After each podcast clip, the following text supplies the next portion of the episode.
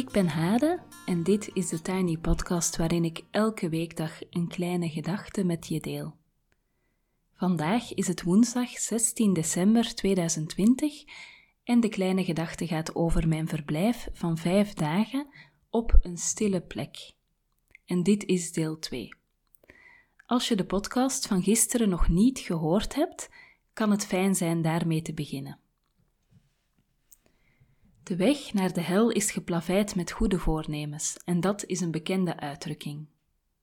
Ik neem jullie elke dinsdag en woensdag mee op de weg van mijn persoonlijke ontwikkeling. En die weg is geplaveid met bijzondere therapieën en activiteiten. Van knuffeltherapie tot paardencoaching. Van die keer dat ik helemaal ingepakt lag in doeken, tot de ochtend dat ik een boom omarmde terwijl niemand keek. Als journaliste heb ik ontzettend veel verschillende dingen kunnen ervaren en uitproberen, en dat is natuurlijk geweldig. Maar daarnaast ben ik zelf van jongs af aan op zoek geweest naar inzicht, betekenis, zingeving, heling.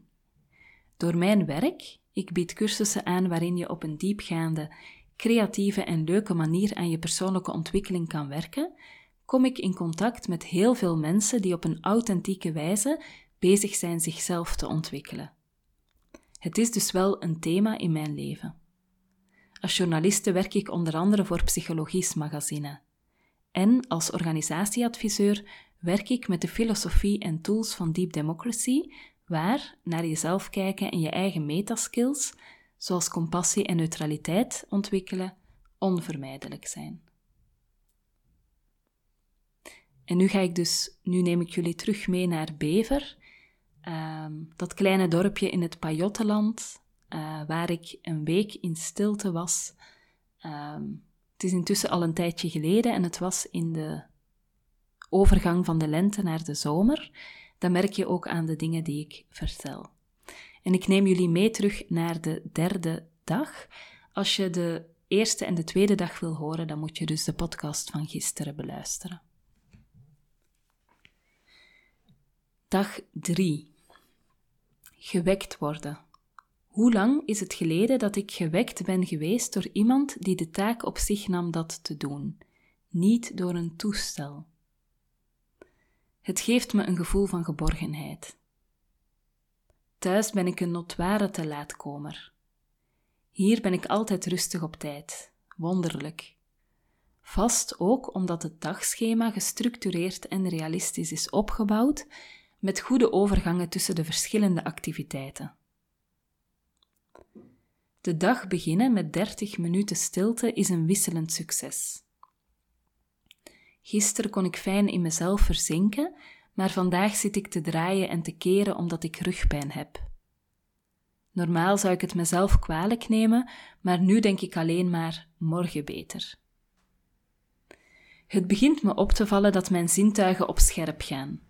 Het gevoel van rijpe frambozen die geplukt willen worden, op blote voeten door het gras lopen, het geluid van duizend vogels, de zon op mijn huid, de pure smaak van het verrukkelijke en echt voedende eten dat Sophie maakt vanuit ontspanning en intuïtie. Ik hoop dat er ooit een Rosario kookboek komt. En ik realiseer me dat ik gemist kan worden, thuis en op het werk. Een ambivalente vaststelling. Ik was groenten in de keuken en ik pluk besjes. Ik mijmer over werk. Hard werken, vroeg opstaan, laat doorgaan. Hoe absurd is dat eigenlijk? Zou het me lukken thuis ook een rustig, aandachtig ritme te ontwikkelen voor mijn werk, waarin ik met permanente aandacht en zorg in rust bezig kan zijn? Ik denk aan mijn boekje van Denise Hulst. Ik heb het al jaren, maar ben er nooit in geslaagd vanuit het boek mijn leven anders vorm te geven. Hier lukt het, omdat ik het niet alleen moet doen. Soms voel ik weerstand. Dat is een worsteling, vooral ook omdat ik de oorzaak enkel in mezelf kan zoeken. Ik kan het immers niet op de file steken, op de kinderen of op de man. Zoals de dag geopend wordt met stilte, zo wordt elke dag besloten met een muziekmoment. Liggend in de kapel luisteren we naar muziek die Johan selecteert. Als een soort meergangenmenu introduceert hij kort de zorgvuldig uitgekozen stukken. Hoe vaak heb ik me overgegeven aan het enkel maar luisteren met ogen dicht. De akoestiek in de kapel is magnifiek. De muziek vult de ruimte en ik realiseer me nu pas dat muziek een energie is, een trilling. Ik voel me zo gevoed en verwend op deze plek. Dag 4. Deze week heb ik niets gekocht. Ik heb ook niet gedachteloos zitten snoepen. Neigingen die ik heb als ik stress ervaar. Geen enkel gesprek dat ik voerde hier ging over koetjes en kalfjes. Het waren telkens authentieke gesprekken. Op de boekenlegger van Rosario, die tussen mijn boekje zit waarin ik mijn gedachten noteer, staat even stilstaan en bezield weer verder gaan. Even stilstaan zet net zoveel in beweging. In deze stilte en orde en op deze magische plek van schoonheid en eenvoud gebeurt veel.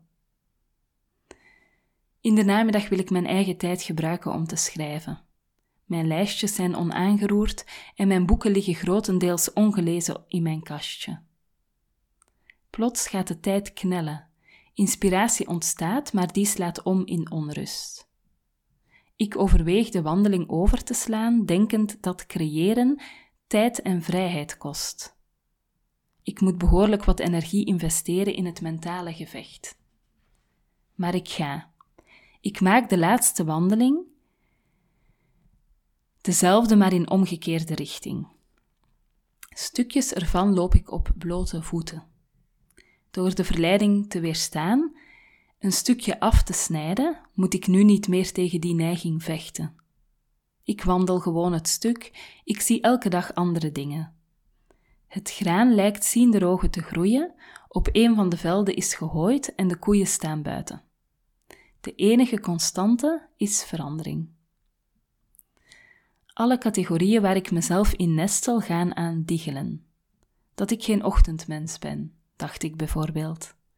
Hier sta ik monter op en realiseer ik me dat stilte een natuurlijke staat van zijn is in de ochtend. Maar dat ik wel wakker ben, zintuigelijk. Het laatste avondmaal, zegt Johan. We zitten buiten. Hoe meer je zwijgt, hoe minder je wil vertellen. Als we samen eten en aan tafel in gesprek gaan, moet ik er telkens weer even inkomen. Doordat veel van de omgevingsprikkels en kansen tot afleiding weggesnoeid zijn, kan ik zo goed voelen, ruiken, proeven. De echte voeding die Sophie me voorschotelt, helpt enorm bij het heilzame van de week. Door geen overdreven zoet of zwaar eten tot me te nemen, blijf ik beter in balans mentaal. En in stilte en met aandacht eten is zo'n groot contrast ten opzichte van het eten thuis, met de krant erbij, de mobieltjes op tafel en de kinderen die allerlei dingen willen. Dag 5 Mijn boeken zijn grotendeels ongelezen gebleven. Mijn mails zijn niet beantwoord. Mijn werk is niet af en ik heb geen zes artikels geschreven. Maar deze week was onbetaalbaar. Voor ik ga heb ik nog een mooi gesprek met Johan en Sophie. Ze zijn hoeders van deze plek. Het lijkt me niet gemakkelijk om standvastig deze plek te gebruiken waarvoor ze ten diepste bedoeld is.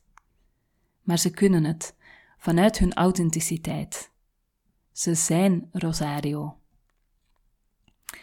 Als ik naar mijn auto loop, denk ik eraan dat ik op voorhand enkele vrienden had gevraagd mee te gaan. Ik kreeg de reactie dat ze wel een dagje wilden langskomen, maar ik ben blij dat dat niet gebeurd is. Een stille week heeft vijf dagen nodig, geen vluggertjes. Eenmaal thuis drink ik met mijn man een koffie in een koffiebar voor we aan de schoolpoort verwacht worden. Wat is de stad wemelig, druk, vol mensen?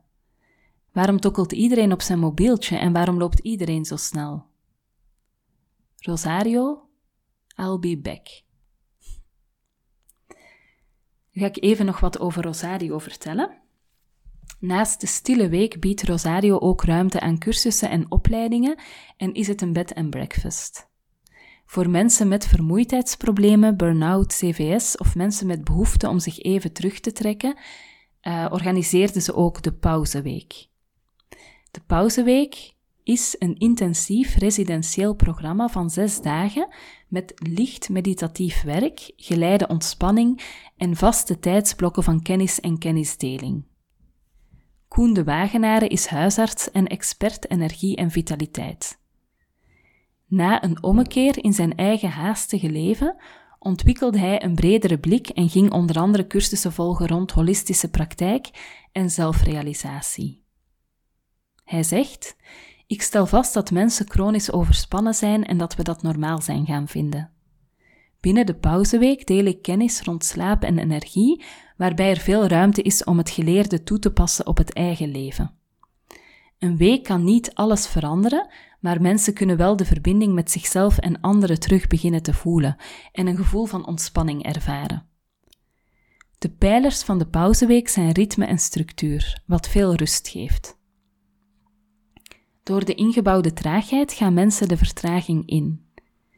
De stilte is een belangrijk element en de vaste dagindeling met heilzame onderdelen, zoals inspiratieblokken, gezonde voeding binnen fijne maaltijdmomenten en een dagelijkse wandeling. Na een week hebben mensen meer energie, zitten ze beter in hun vel en hebben ze meer tools in handen om het pad naar genezing of verandering in te slaan. Luc Jonkheren is psychiater-therapeut en ervaringsdeskundige burn-out. Hij werkt met de deelnemers van de pauzeweek aan hun eigen belemmerende overtuigingen, binnen de theorie van de transactionele analyse. De plek biedt een zekere magie en verzet bergen, zegt hij. Ik geloof dat de pauzeweek goed is voor mensen met burn-out of energieproblemen, maar dat eigenlijk iedereen er baat bij zou hebben. Verstilling, vertraging, verdieping, naar binnen kijken, vriendelijk leren zijn met jezelf. Het is zo essentieel in de vorming van mensen.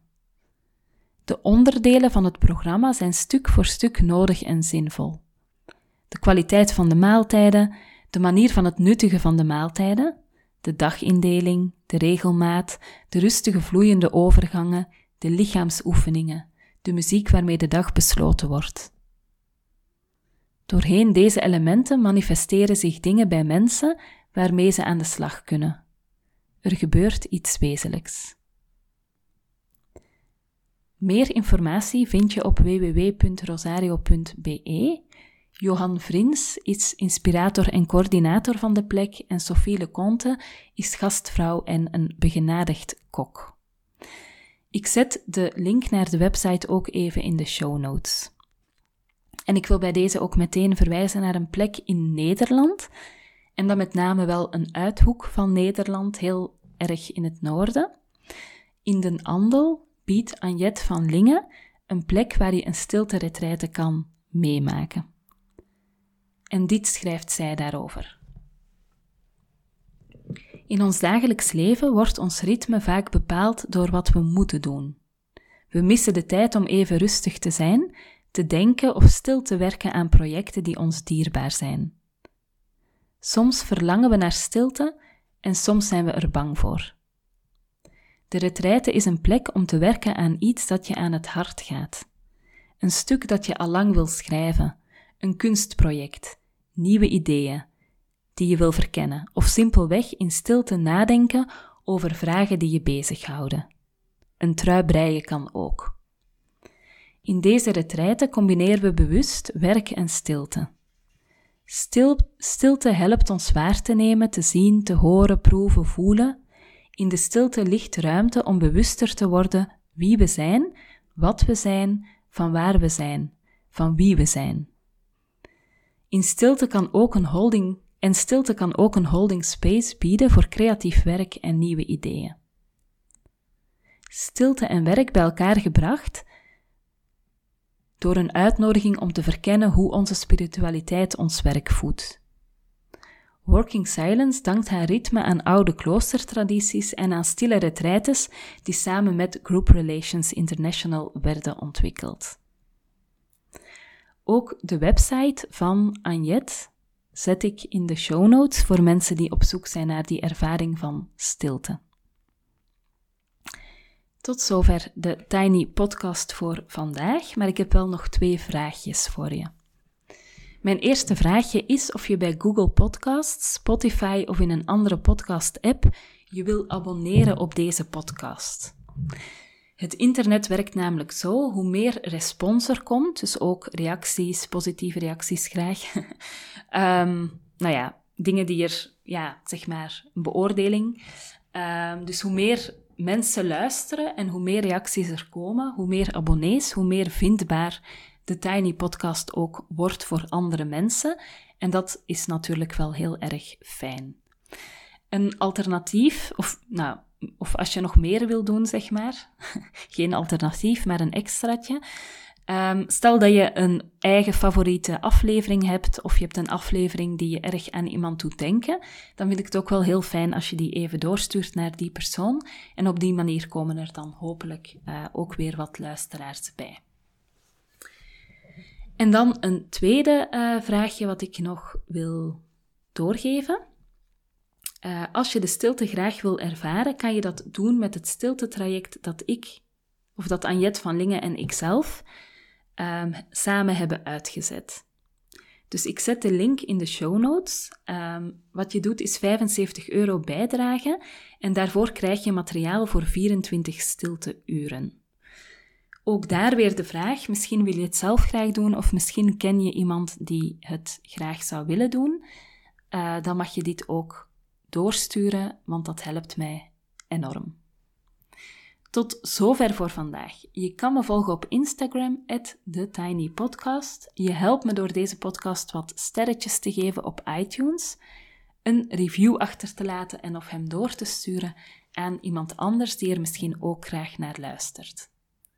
Dankjewel en tot morgen.